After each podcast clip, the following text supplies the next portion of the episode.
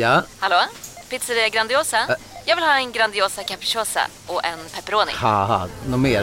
Med kaffefilter. Ja, Okej, ses samma.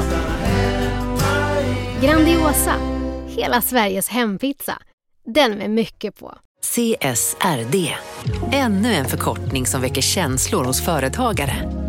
Men lugn, våra rådgivare här på PWC har koll på det som din verksamhet berörs av. Från hållbarhetslösningar och nya regelverk till affärsutveckling och ansvarsfulla AI-strategier. Välkommen till PWC. Hej, Synoptik här.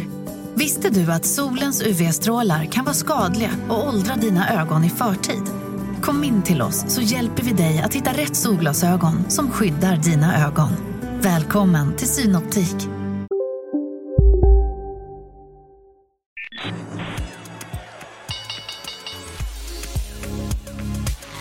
Här är Affärsvärlden Magasin med Helene Rådstein.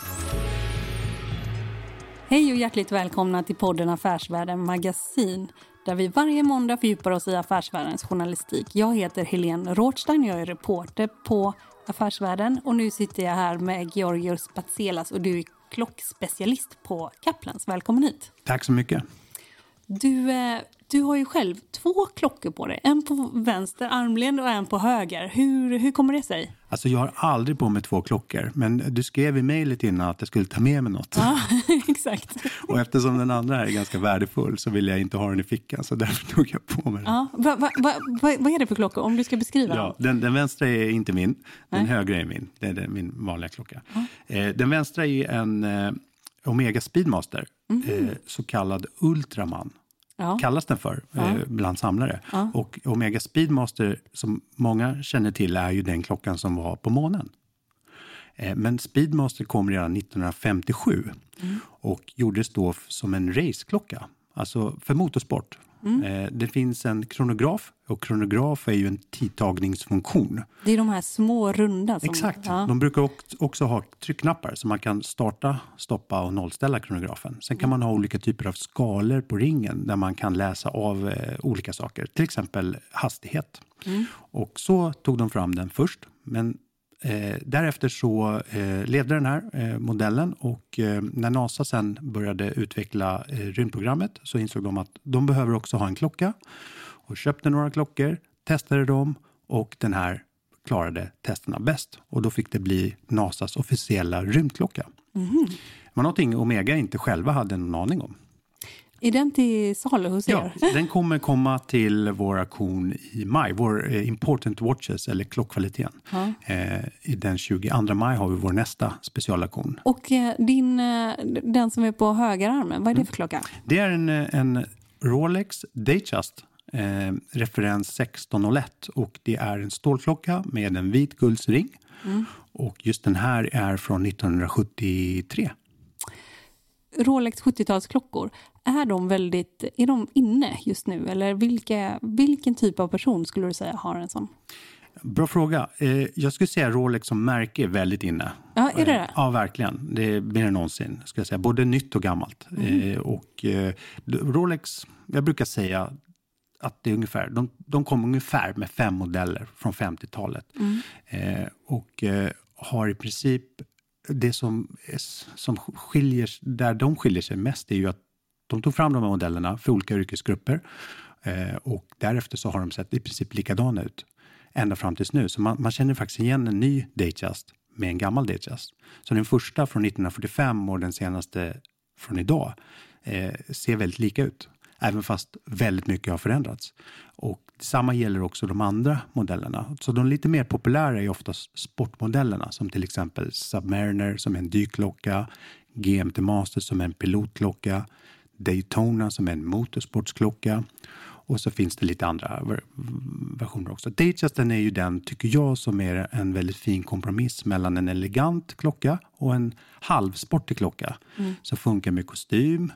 Eh, jag tycker personligen att man kan ha en, en elegant klocka även om man går med shorts ute.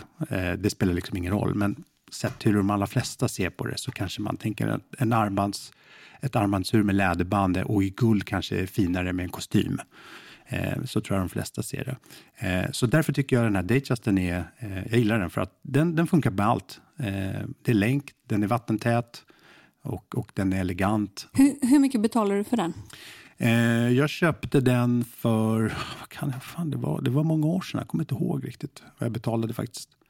Eh, men jag fick servaren och det kostade nog nästan 10 000. Bara servaren? Ja, bara servicen.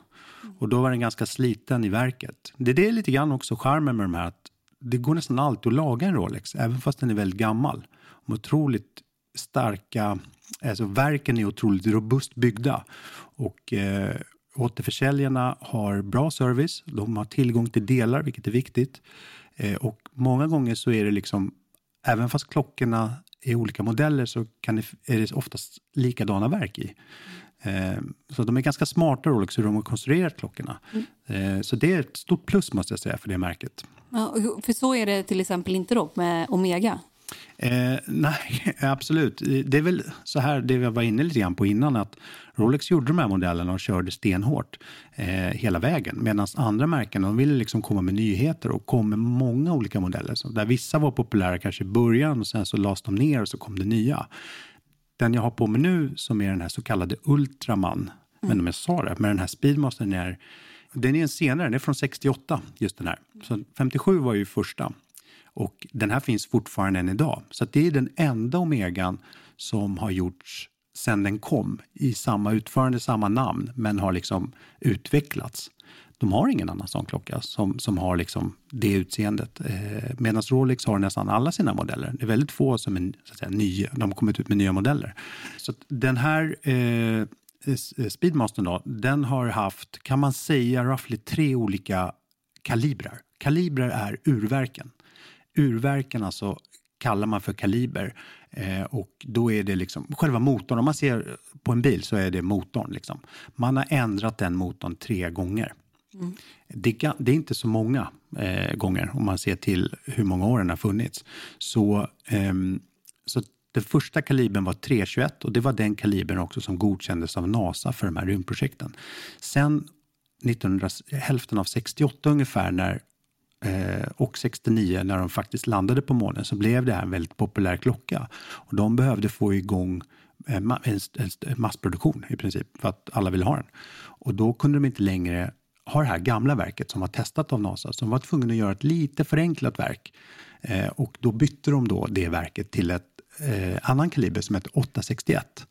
Och, ehm, och sen så har man bytt det ytterligare en gång kan man säga. Det finns olika variationer på den eh, vid ett senare tillfälle. Så mm. för inte jättemånga år sedan så kunde Omega inte laga det här första kalibern.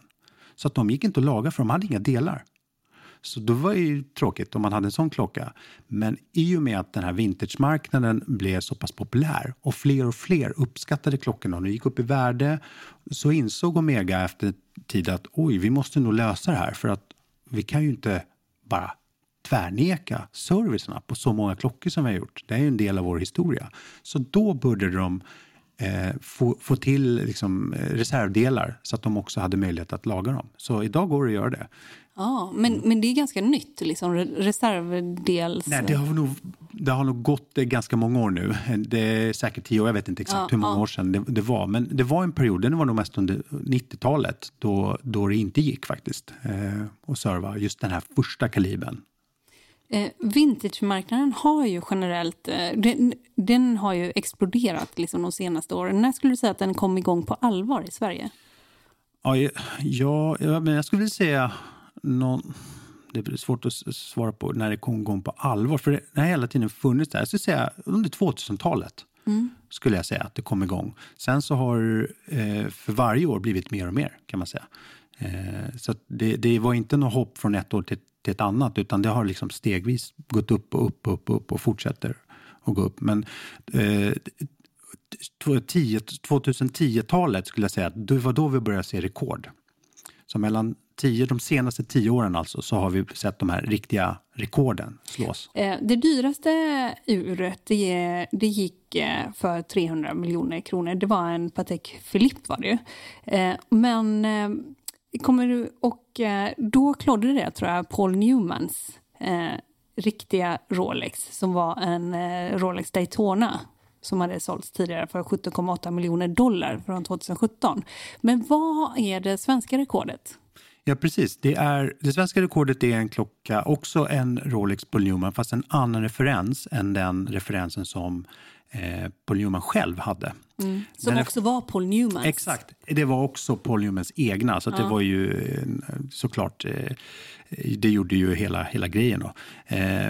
Den vi sålde var en 6265 RCO kallas den för. Då står alltså på urtavlan så står det Rolex Cosmograph Oyster i en ovanlig ordning. I den ordningen så vet man att det inte finns väldigt många exemplar. Eh, och den då gick 2014 för 4,850 miljoner. Idag hade den här gått för mycket mer kan jag säga, men 2014 var ju det rätt pris skulle jag säga. Varför har den gått för mycket mer idag? Ja, för att marknaden har gått upp. Och idag... Fortfarande i coronatider? Ja. ja. Det, det, det, det, ska också sägas att den här var i, i ruskigt fint eh, skick. Mm. Tavlan var helt fantastisk och, och orörd och antagligen hade den här klockan legat oanvänd väldigt länge. Eh, så att det var, allting var rätt. De här nördiga detaljerna som att takemeterringen, boetten var inte speciellt polerad. Det var liksom, ah, det var i ett skick som är väldigt oväntat att man ska hitta den här. Och dessutom då en Paul Newman och i det här ovanliga utförandet. Eh, en sån klocka kommer alltid hålla ett väldigt, väldigt bra värde. En sån klocka kan också alltid överraska så att, säga, att den går för högre än vad du trodde. För många ser det som en framtida investering. Eh, det är inte sannolikt att du kommer hitta ens en RCO och att du hittar en så fin. Därför RCO som alltså är en förkortning? Förkortning för eh, eh, Sotto Oyster säger de italienarna och det är också typiskt att under eh, Oyster så att säga eh, kallas den också för, den här RCO. Eh, så det är inte bara en ovanlig referens i ett ovanligt utförande, den råkade också vara i sjukt bra skick. Mm. Och det gör liksom, det triggar alla eh, allt hos en samlare som har råd att köpa en sån här som en, som en investering. Men det är också faktiskt en riktigt snygg klocka tycker jag. Om man tänker nu under coronatider, tidigare så har man ju kommit in till Kaplan som, ska vi säga, det är en liten butik som ligger faktiskt på Biblioteksgatan. Det är en generation, det är en familjeägd affär mm. där du har jobbat sedan 2008. Eh, tidigare har det ju varit så, det kanske är så fortfarande, folk kommer in och visar upp sina klockor, eller hur går det till? När de... Ja, precis. Det, det är en ganska lite, ser ganska liten ut, men kommer man väl in så är det ganska stort. Det är som två salar där vi när du kommer in så möts du av en butik där vi har smycken och klockor. Vi har en kundtjänstdisk. Går man förbi den eh, salen så kommer vi till en lite större sal där vi har visnings, eh, en visning. Och där sitter också eh, alla våra smyckesvärderare och klockvärderare på två separata, två separata avdelningar. Så att du, du kan komma in mellan våra öppettider alla vardagar eh, mellan 10 och 18 och, och, och eh, bara eh, få hjälp helt enkelt. Man får ta en kölapp och så får man mm. slå sig ner och så Ja. Men om man tittar på de här internationella auktionerna som har varit nu så är det ju flera också som har gått väldigt bra. Man talar om, eh, vad säger man när allt blir sålt på en auktion? White glove. Ja, sale säger mm, man. Precis, white glove sale. Ja, eller bara white glove. Mm. Och eh, det har man ju sett eh, till exempel Sotheby's eller vilken var det som hade Philips sam... brukar, köra, Philips brukar ha det. Eh, mm. och det såg man ju till exempel i somras, Philips hade en sån mm. som där all, alla klockor... De har haft flera, de har haft massor med. Så ja, ja, mm. ja, flera kanske mm. hela sommaren. Men det allt bara såldes mm. och sådär. Och det talar ju för att det finns också ett internationellt tryck. Och jag tänker på digitalisering eh, i klockvärlden. Vad gör det med auktionerna? Eh, nej men det, är väl, det, det, gör att det är dels en annan fas. Jag tror flera accepterar att det är på det sättet. Därför att eh, man, man kan ju inte resa. Det är ju så det funkar innan. att det reste ju folk då, antingen då, då till Genève eller till eh, New York eller eh, Hongkong eller var det nu skulle vara någonstans, så, så se, alla de här auktionshusen har ju de här auktionerna i princip samtidigt, samma helg, så att alla ska kunna vara där och gå på alla visningar och se klockorna. Eh, nu när det inte har gått så behöver man ju lösa det på något sätt. Och det är ju att kunna eh, ha bra bilder och filmer och kunna möta upp. Eh, sen också förtroendet, att de som är, eh, så att säga, köparna ser, vet, har ett förtroende för det auktionshuset, att eh, de bilderna och den texten, katalogisering och allting stämmer. Men det måste man ju också ha. Och det har de ju på grund av att de antagligen har bra track record. Eh, och eh, det, det, precis, men man, man vill ändå liksom se, försöka eh, replikera så gott det går eh, att eh, ja, det man hade kunnat gjort fysiskt får istället ske digitalt. Om man tittar då på de fysiska klockaktionerna, hur skulle du beskriva dem, liksom, hur de brukar vara? Internationellt så eh, sticker ju Philips eh, Ariel Bax ut eh, mest då som en riktig showman. Det är vad han är. Han, har väldigt, han är otroligt duktig på det och hur han får med sig Eh, publiken och, och, kan prata flera språk flytande och, och liksom skoja till det och sådär. Han är ju han är helt unik på det sättet. De andra auktionshusen, de har nog inte någon person som är som han där, eh, som Ariel, utan det, då är det mer, mer så traditionellt, eh, ofta engelsktalande, alltså brittisk engelska, lite mer stela och sådär. Eh, men det är oftast auktionsnumren som sticker ut. Alltså när det väl dyker upp en, en intressant eh, en kioskvältare. För det är inte alla klockor som är kioskvältare. Där alla liksom är intresserade. Och vad kommer den här gå för? Då blir det oftast en spänning i salen. Eh, och eh, det kan ju den auktionsförrättaren eh, så att säga, komma in i och göra det så att det hålls spännande. Men generellt sett mycket mer eh, lågmält så att säga, jämfört med, med just Philips. Men det måste man ju sakna nu. Mm. Alltså den här spänningen, mm. liksom mm. suset mm. ungefär, eller? Ja, ja absolut. Uh, som, man, som ju inte går att mm. replikera, mm. eller gör det? Mm, nej, nej, kanske inte riktigt, nej. Nej, eh, jag håller med dig. Eh, men vi hoppas ju på att det här ska vara över. Så att vi kan börja gå tillbaks till det gamla, men vi får se. Ja. Men finns det inte fler potentiella köpare då när man kör digitalt istället?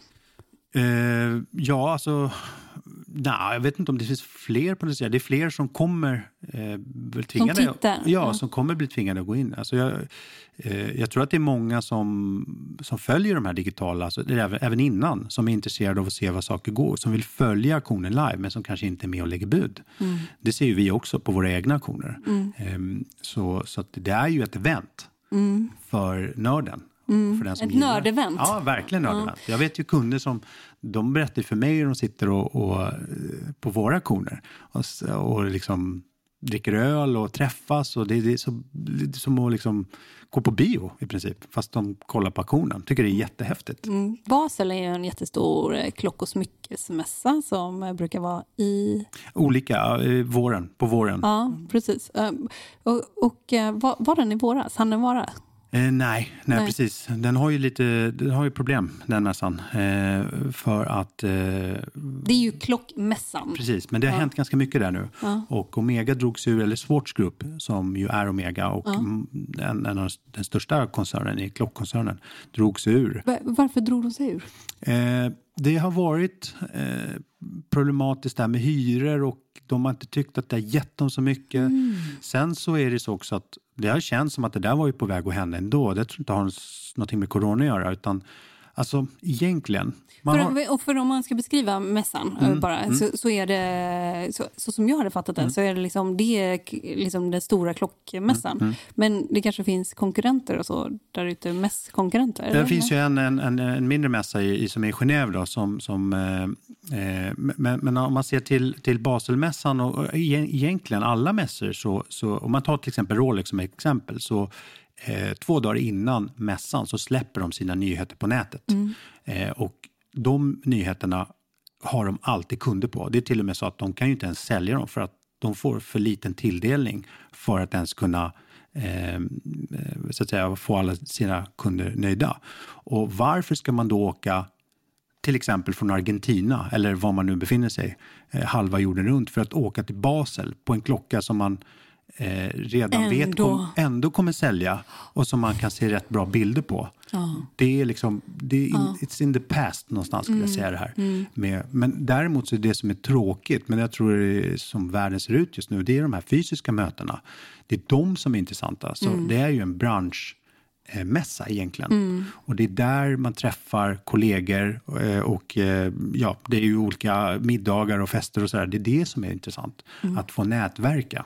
Det är mm. det som jag tycker är synd. Mm. Själva det andra är ju liksom, det går att lösa. Jag menar, eh, man får besök av säljarna från respektive märke och, och, kan se dem, alla butiker kommer kunna se de här nyheterna ändå. Du lyssnar på Affärsvärlden Magasin med Helene Rådstein. Marknaden sponsras av SPP, pensionsbolaget. Eh, förra gången pratade vi lite om ITP. Och som en kort repetition så, så var det ju 70-tal, arbetsmarknadens parter bestämde att alla tjänstemän ska ha en tjänstepension. Man kom överens om vilka villkor som ska gälla i den här pensionen och så kallade man den för ITP. Så jobbar man idag som tjänsteman i ett företag med kollektivavtal, då har man förmodligen den här pensionen, ITP-pensionen. Eh, och det är ju så att man kan påverka eh, den här pensionen, hur den är placerad. Vart femte år så gör nämligen Collectum, som de heter, en enorm upphandling där olika pensionsbolag kan ansöka om att få förvalta eh, de här pensionerna. Och SPP är ett av bolagen som valdes ut i den senaste upphandlingen. Och sen kan du som pensionssparare välja eh, vilket av de här olika pensionsbolagen som, som då ska få ta hand om dina pengar. Och tanken med den här upphandlingen är ju att liksom kvalitetssäkra de här olika alternativen eh, men också att förhandla fram stora rabatter så att pensionsspararna ska få ja, kunna spara pengar genom att avgifterna eh, som är så viktiga eh, blir eh, lägre. Och vill man välja någonting i ITP-systemet då finns det en relativt ny sajt som heter avtalat.se. Ehm, där kan man gå in och se hur sin ITP-pension är placerad. Jag gjorde det häromdagen faktiskt. Ehm, idén är att hälften av pengarna alltid ligger i något som kallas för traditionell försäkring. Det här gjorde vi ett avsnitt om i podden Kapitalet nyligen eh, som vi kallade världens bästa sparform. kan man lyssna på om man är intresserad. Eh, den andra halvan eh, den kan man också lägga i en traditionell försäkring eller så kan man placera det i något som kallas för fondförsäkring. Eh, SPP som sagt eh, var ju ett av de fåtal bolagen som valdes ut i den senaste upphandlingen och de finns med som alternativ både med en traditionell försäkring och med eh, fonder. Så det var en liten bakgrund till ITP-systemet. Vill man läsa mer om det här eller typ kolla hur ITP-pensionen är placerad, eh, kanske göra förändringar, då går man in på avtalat.se Eh, men tack säger jag till SPP som vill göra oss människor mer medvetna om hur enormt viktig pensionen är för oss som en framtida lön, men också som en positiv kraft i samhället. Eh, och förstås för att ni möjliggör eh, den här podden Marknaden. Vi som inte är i den här världen, vi har ju en i klockvärlden. Eh, jag till exempel har erfarenhet från Almedalen som man varit på som är så här, det är inte kanske de officiella programmen utan det är det som händer vid sidan av som kan vara liksom mest intressant. Om man har gjort upp om fastighetsskatten har man hört och något hotellrum och sådär till exempel. Men vilka typer av affärer är det som görs i er bransch vid sidan av? Eh, eh, liksom vad är det som är viktigt där? Eller är det bara att man säger hej, eller liksom att det är en social kontext? Eller händer det något faktiskt? Nej, men, eh, det finns nog olika vinklar. Eh, en är ju till exempel om man är en svensk återförsäljare eller med i, så att säga, journalist eller med i liksom klockbranschen på ett eller annat sätt. Man får möjlighet att träffa kanske alla återförsäljare, eh, någon representant från varje återförsäljare i Sverige. Man får möjlighet att träffa eh, de märkena som man jobbar för, eh, som oftast är baserade i Schweiz. De är där. Eh, man får liksom ett ansikte eh, och man kanske lär känna någon bättre. Eh, det är oftast inom liksom trevliga förhållanden. Det är vår, det är Schweiz, det är ett ett vackert land och det, de, har, de brukar kunna eh, erbjuda liksom, eh, trevliga tillställningar om man säger så. Det, det är härligt. Liksom. Det är härligt liksom mm. och, och, det får oftast det, det bästa ur människor. Liksom. Och, mm. och, och, just att eh, det kan vara en, en sak att, att man får träffa olika kollegor runt Sverige och där kan det finnas intressen som är gemensamma. Eh, att, att man kan eh, hjälpa varandra på olika sätt. Eh, man, man lär känna varandra framför allt. Det tror jag är det viktiga. viktigaste här är att konkurrenter ändå kan vara, ha en bra relation eh, trots det. Sen, så att, eh, jag skulle säga att det är, det, det, det är flera saker som, mm. som påverkar. De nya köparna i världen, vilka är det? Jag vet inte om det är så många nya så. så här, Kina, är, är de intresserade av klockor? Hongkong definitivt. De har alltid haft eh, internationell trading och eh, representa, alltså representerat både vintage därför att det är ett, ett, ett sånt ställe där folk reser till väldigt mycket.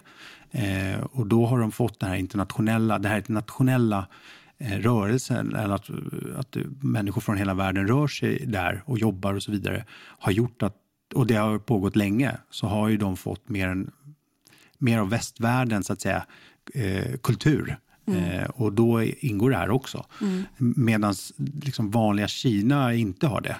Eh, och där tror jag... De gillar nytt mera. Ja, det tror jag. jag skulle säga. Att det, man ser lite grann vad, de, vad för typ av klockor som de gillar så är det ju oftast eh, mer så här, status, symbols. Man ser ju också vad de gillar för typ av kläder och märken och, och bilar också. Jag menar BMW gör ju nu, jag vet inte om det är, Jo, alltså, men de gör ju en, deras, om du har sett de nya BMWna så har de en jättestor grill. Den ser nästan ut som ett galler. Eh, och för oss här, de allra flesta har ju kritiserat det här utseendet och det har ju sin förklaring i att de vill sälja bättre i Kina. Och sin, Kina är en jättestor marknad. Och där ska bilen se så eh, alltså, maffig ut som möjligt. Och grillen är ju liksom bilens ansikte någonstans. Och ju större den är, desto finare är bilen. Medan vi här då tycker att nej, men så där ser ju groteskt ut. Liksom. Men ändå så gör de det. Och då, det visar ju eh, på hur viktig den marknaden är för dem. Det som eh, är ganska intressant är också att det finns något som är fint med äldre klockor. Jag vet att du en gång har sagt till mig, för jag har skrivit om klockor några gånger lite då och då för Affärsvärlden och eh, du har faktiskt hjälpt mig navigera lite grann med olika märken och hittat rätt och sådär. Men eh, på ett väldigt, pedagogiskt sätt ska jag säga faktiskt. För det är inte så lätt marknad att ta sig an om man inte alls är i den, måste jag tillägga. Men då sa du en gång så här att det fina med äldre klockor det är att det signalerar gamla pengar. Medan nya klockor eh, signalerar liksom nya pengar. Eh, och detta är ju liksom något anrikt fint. Står du för det fortfarande? Utan, Ja och- nej. Eh, nej så tillvida att eh, det kanske får mig att låta som om det, att man är finare som människa om man kommer med gamla pengar. Eh, Så är det inte, Så, är, så tycker jag absolut inte. För jag ser verkligen ingen, ingen liksom, jag, jag, jag värderar inte människor efter någon form av status. Det gör jag verkligen inte. Men jag håller med i att eh, jag kanske skulle tänka så. Eh, det är den signalen som, som, jag, som jag uppfattar den. Eh, att, eh, att det, liksom är, det finns en kunskap bakom eh, varför man har valt någonting. Eh, som är gammalt. Och det kan finnas flera anledningar. Det kan ju, ofta, kan ju också vara att det inte finns någon kunskap, att man bara har fått ärva den.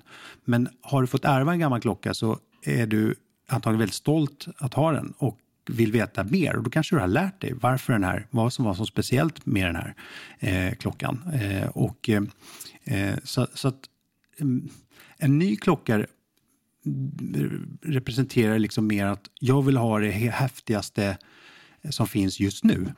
Och det är kanske det jag menar med att det är liksom, om man nu skulle vara nyrik eller och inte ha så mycket kunskap eller kanske ibland också inte den bästa smaken. Eh, man ser att någon är ny, i, så att säga, i, de är ny med klockor. Då köper man någonting nytt. För att det är det man vet. Eh, Medan om man går på någonting gammalt så säger det mig att de har lite mer koll på något sätt. Det är så jag ser det. Men jag, har ingen, jag sätter ingen värdering på det, det ena eller andra. Utan jag säger inte att det är något fel på det ena eller andra. De nya klockorna behöver ju faktiskt, någon behöver köpa dem för att de också ska bli gamla. Nå- Någonstans. Så att det är ju viktigt att nya klockor säljs också. Verkligen. Håller den marknaden i sig också? Ja, verkligen. Den är ju också sjukt. Stekhet. Ja, det är väl, eh, skillnaden är väl att det är inte så jättemånga nya märken som kommer till, utan det är de här starka märk, varumärkena som fortfarande håller i sig eh, och som fortsätter och, och har stor efterfrågan. Eh, så, så att eh, absolut, eh, den går sjukt bra alltså. Och eh, va, va, hur, hur tänk, du har tidigare jobbat med nya klockor. Det var, det var så Ja, du kom in precis. i, i branschen. Du jobbade, vad det, Ericssons urhandel. Det stämmer. Det stämmer. Ja. Sundbyberg. Ja, ja, precis. Där jobbade jag i nästan sju år. Där, så, så, ja, men precis. Och där sålde vi, då hade vi Omega, vi hade Breitling, vi hade Tag Heuer och sen eh, ett par andra sportsgruppmärken som Longines och Tissot till exempel. Då. Sen hade vi tagit in också lite mer ovanliga märken som Sin, som är ett tyskt märke. Ehm, och ehm, nu vet jag att de säljer ett engelskt märke som heter Graham ja, och så vidare. Då. Så att, så att det, det är svårt säg att eh, den butiken vill ta in Rolex så blir det jag ska säga nästan omöjligt för att Rolex vill inte ha flera återförsäljare eh, än de de redan har. Mm. Eh, och det är ju så att de butikerna som har haft de här starka varumärkena som till exempel Rolex och Patek Philippe, eh, de ska vara väldigt glada att de har de märkena kan man säga. För att det är eh, tunga varumärken som gör många modeller som kostar en hel del pengar och som många vill ha hela tiden. Så har det varit. Eh, så då eh, kan man vara rätt nöjd med, med, med dem. Så att, så att eh, eh, det jag menade var ju att de starka varumärkena fortsätter att vara starka och efterfrågan är, är fortfarande enorm. Alltså. Det är väl också det här med om man tar eh, just utbudet, att man kontrollerar utbudet ganska mm. mycket. Det är mm. också det som håller, håller prisnivån, eller? Att det finns bara x antal hela tiden. Eh, och precis, det är både på nytt och på gammalt. Så är det. Eh, så vill du ha då, eh, igen då, eh, vi kan ta Patek och det finns ju en modell som heter Nautilus som kom redan 1976 och som är en av deras få sportiga modeller. Och eh, just en sån eh, 5711 som den heter då, som är en eh, sportig i stål, stålklocka. Den ligger väl på en ja, 400 000 ny. Det är inte lite pengar. Men även om du vill köpa en sån så kan du ju ens glömma att komma på någon lista. För att de får så få återförsäljare. De kanske får en eller två eller tre stycken på ett helt år. Och då har ju de flera köpare på en sån här. Och det är klart att de inte säljer den till någon som de inte känner, som bara kommer in i butiken. För de har ju hur många sådana som helst. Utan den går ju till någon som kanske köper en, en mycket exklusivare klocka och som kan säga, jag vill ha en sån också. Då, då får ju den den klockan. Därför att de kan inte leverera Men måste man liksom vara kung ungefär för att hamna på den listan? Eller hur hamnar man på de listorna? Ja, det, dels så tar de inga listor överhuvudtaget. Utan de, när de beställer en sån så vet de inte ens när de får den. När den väl dyker upp så har ju de x antal kunder som de har att välja på. Ja, hur, hur, blir man det? Hur hamnar man bland... Ja, jag tror att du dels har en relation med butiken. Du behöver ju nog vara rätt bra kund. Så att de känner att den här kunden kommer inte köpa den för att flippa den. För att den klockan är ju värd mer än vad den kostar i och med att det är så svårt att få tag på den. Så den har ett högre andrahandsvärde, alltså på andrahandsmarknaden. En, en än ny? Ja, så ja. någonstans är det ju, när de säljer den här så är det som att ge pengar till den här kunden. För att de vet ju i första läget, om den vill göra mer så kan de göra det. Men en återförsäljare kommer inte lägga ut den här på någon sajt för, att, för ett högre pris. För det är inte riktigt, det är inte där de vill tjäna sina pengar så att säga. Eh, utan den kommer de vilja ge till, de ger, det är som en fin gest de gör så att säga till, till, en, till en kund som de har valt ut. Mm. Mm. Så jag skulle säga att ha en bra relation med återförsäljaren och vara en, en trogen kund så kanske du kommer få köpa en sån klocka.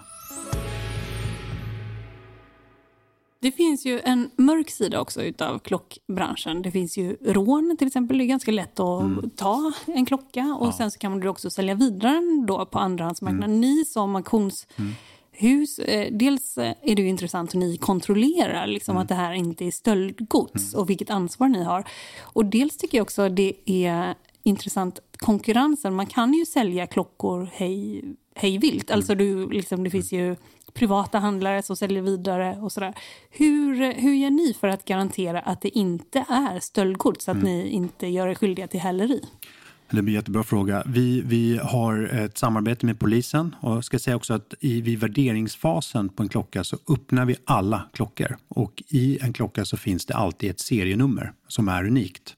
Och det serienumret, inklusive andra nummer som kan vara boettnummer, som kan vara unika också, eh, katalogiserar vi, vi tar med det i, katalogiseringstexten.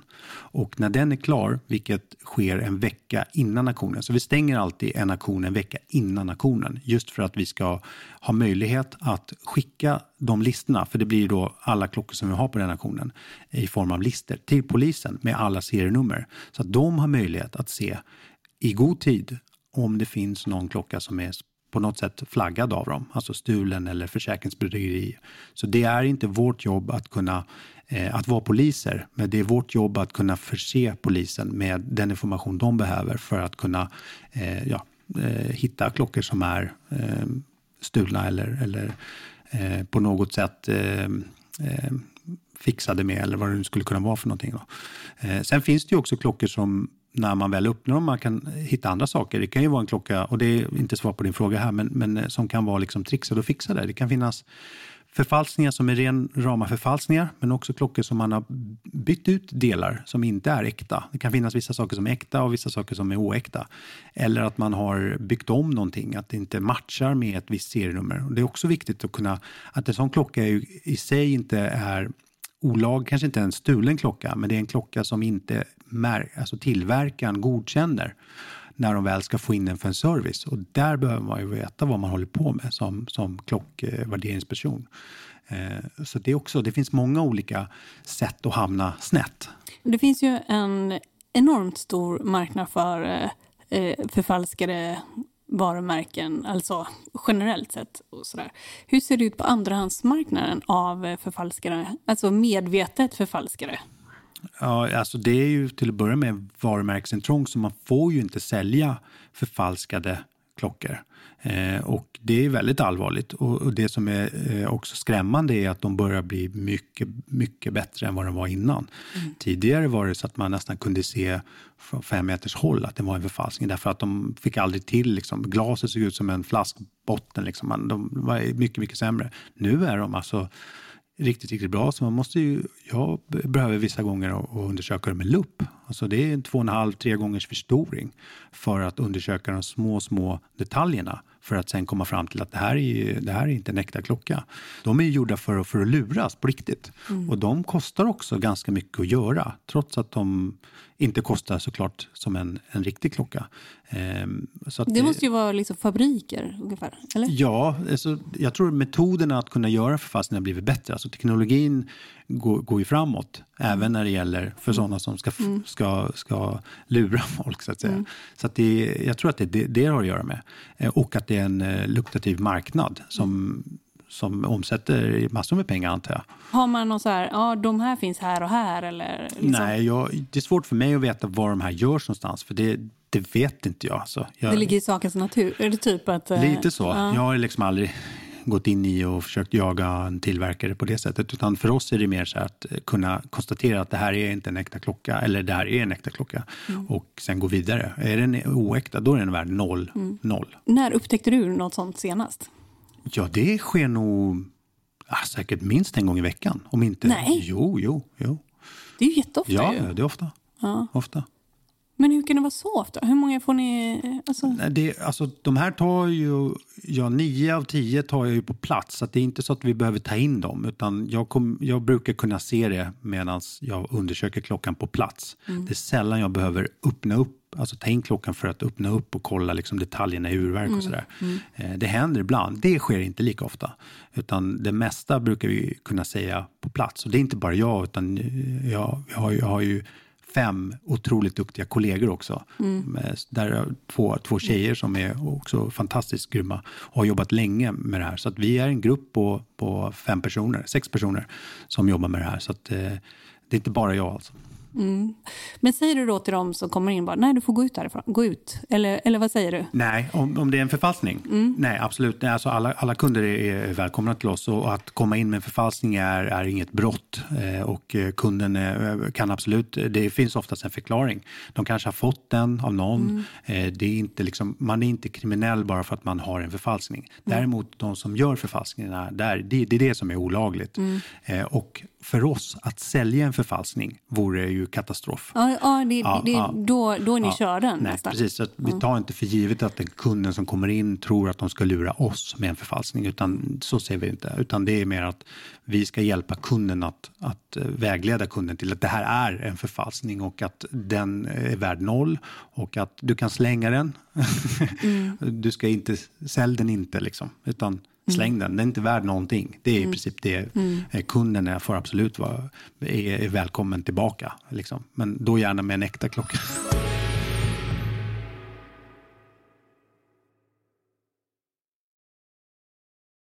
Eh, marknaden sponsras av Karla. Eh, vi pratar ju en hel del om bilar här på kontoret. Karla har ju skapat, skulle jag säga, det som är standarden för hur man idag köper och säljer bilar på nätet. Eh, kort bakgrund bara. Eh, Karla säljer och leasar begagnade elbilar eh, och laddhybrider på karla.se. Alltså en helt eh, digital upplevelse. Och man har gjort det här med ett nästan maniskt fokus på vad en bilköpare faktiskt behöver. Jag gjorde ju en intervju med en av grundarna, Patrik Illerstig, i marknaden här eh, ganska nyligen, eh, daterad 25 mars, om man vill lyssna på den. Eh, men där berättar han hur de kom in i det här lite från vänster för att försöka uppfinna hela den här liksom bilköpupplevelsen från början.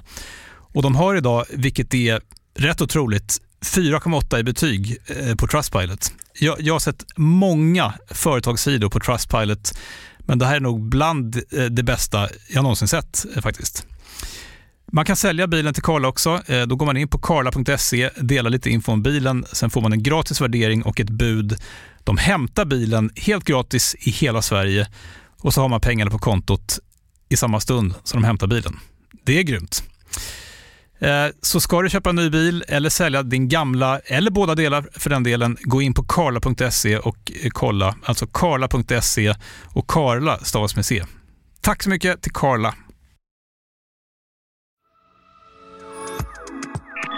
Du lyssnar på Affärsvärlden Magasin med Helene Rådstein. En sak som har blivit eh, mer inne nu för tiden det är ju äkta guldklockor. Varför har de kommit upp och vad är det som har gjort att de har blivit populära? Eh, jag tror att alltså, guld har ju alltid ansetts som, eh, all ädelmetall, även eh, platina som också är ädelmetall, eh, är, är ju något som alltid har funnits kan man säga. Det har ju lättare, liksom, ett enkelt sätt att kunna eh, se att det är någonting exklusivt. Man ser ju det på smycken framför allt. Eh, och klocka är någonstans också ett smycke.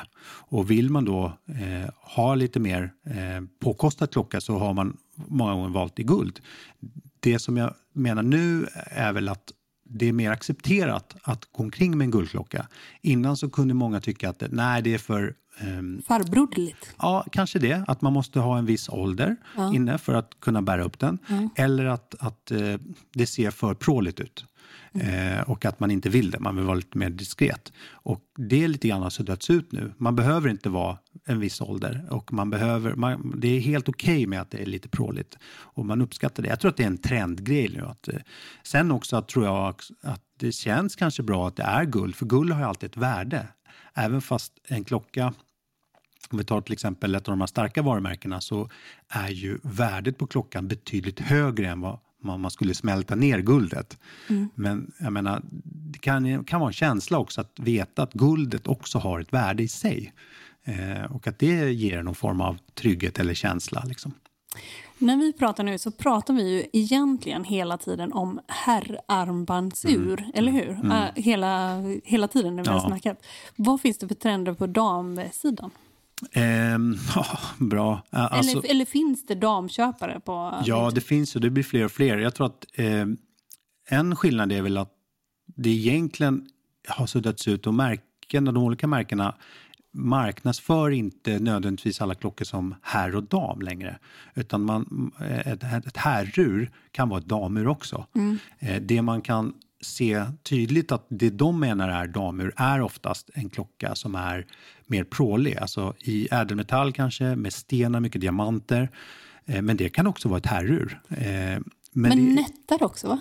Ja, precis. Ja. Eh, man har ett mindre storlekar. Mm. Så man gör i princip en herrklocka först och sen gör man den mindre.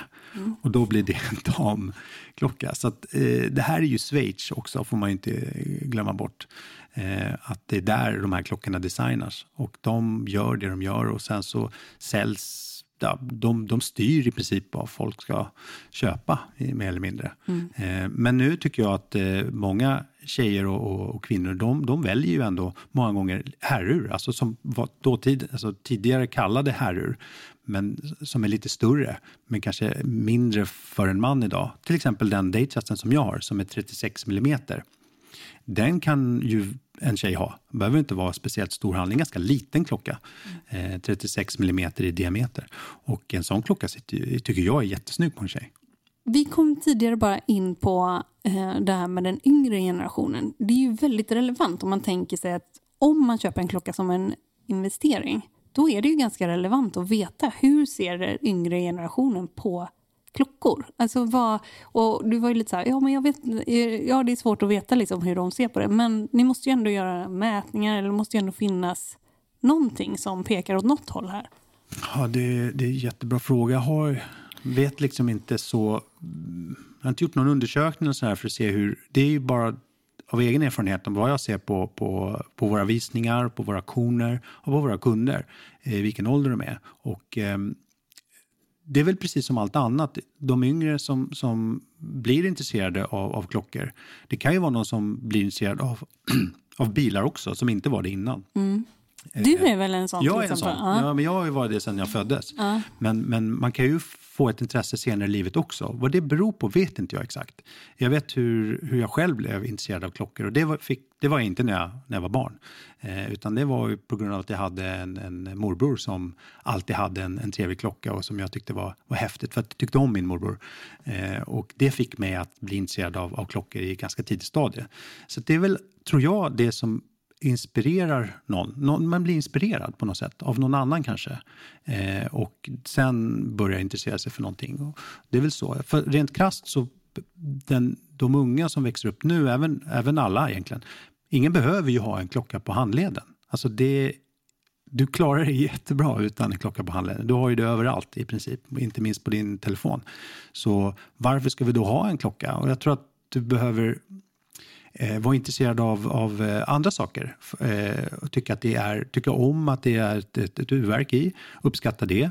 Eh, också att det kanske är en statussymbol, du kanske vill se ut på ett visst sätt. Eh, du, du ehm, uppskattar historien bakom ett visst märke. Du kanske har ett intresse och det kan vara att du, du gillar att dyka eller var liksom, eh, håller på med utomhussport. Du vill ha någonting som är, är tufft och, och, och tåligt. Det gör att du kanske då eh, halkar in på ett visst märke eller en viss modell som klarar av de här grejerna. Det är kanske fler, flera olika saker som bidrar till det menar jag. I fjol så kom det här rekordet 300 miljoner kronor på en klockaktion. Får vi ett nytt rekord nästa år eller i år?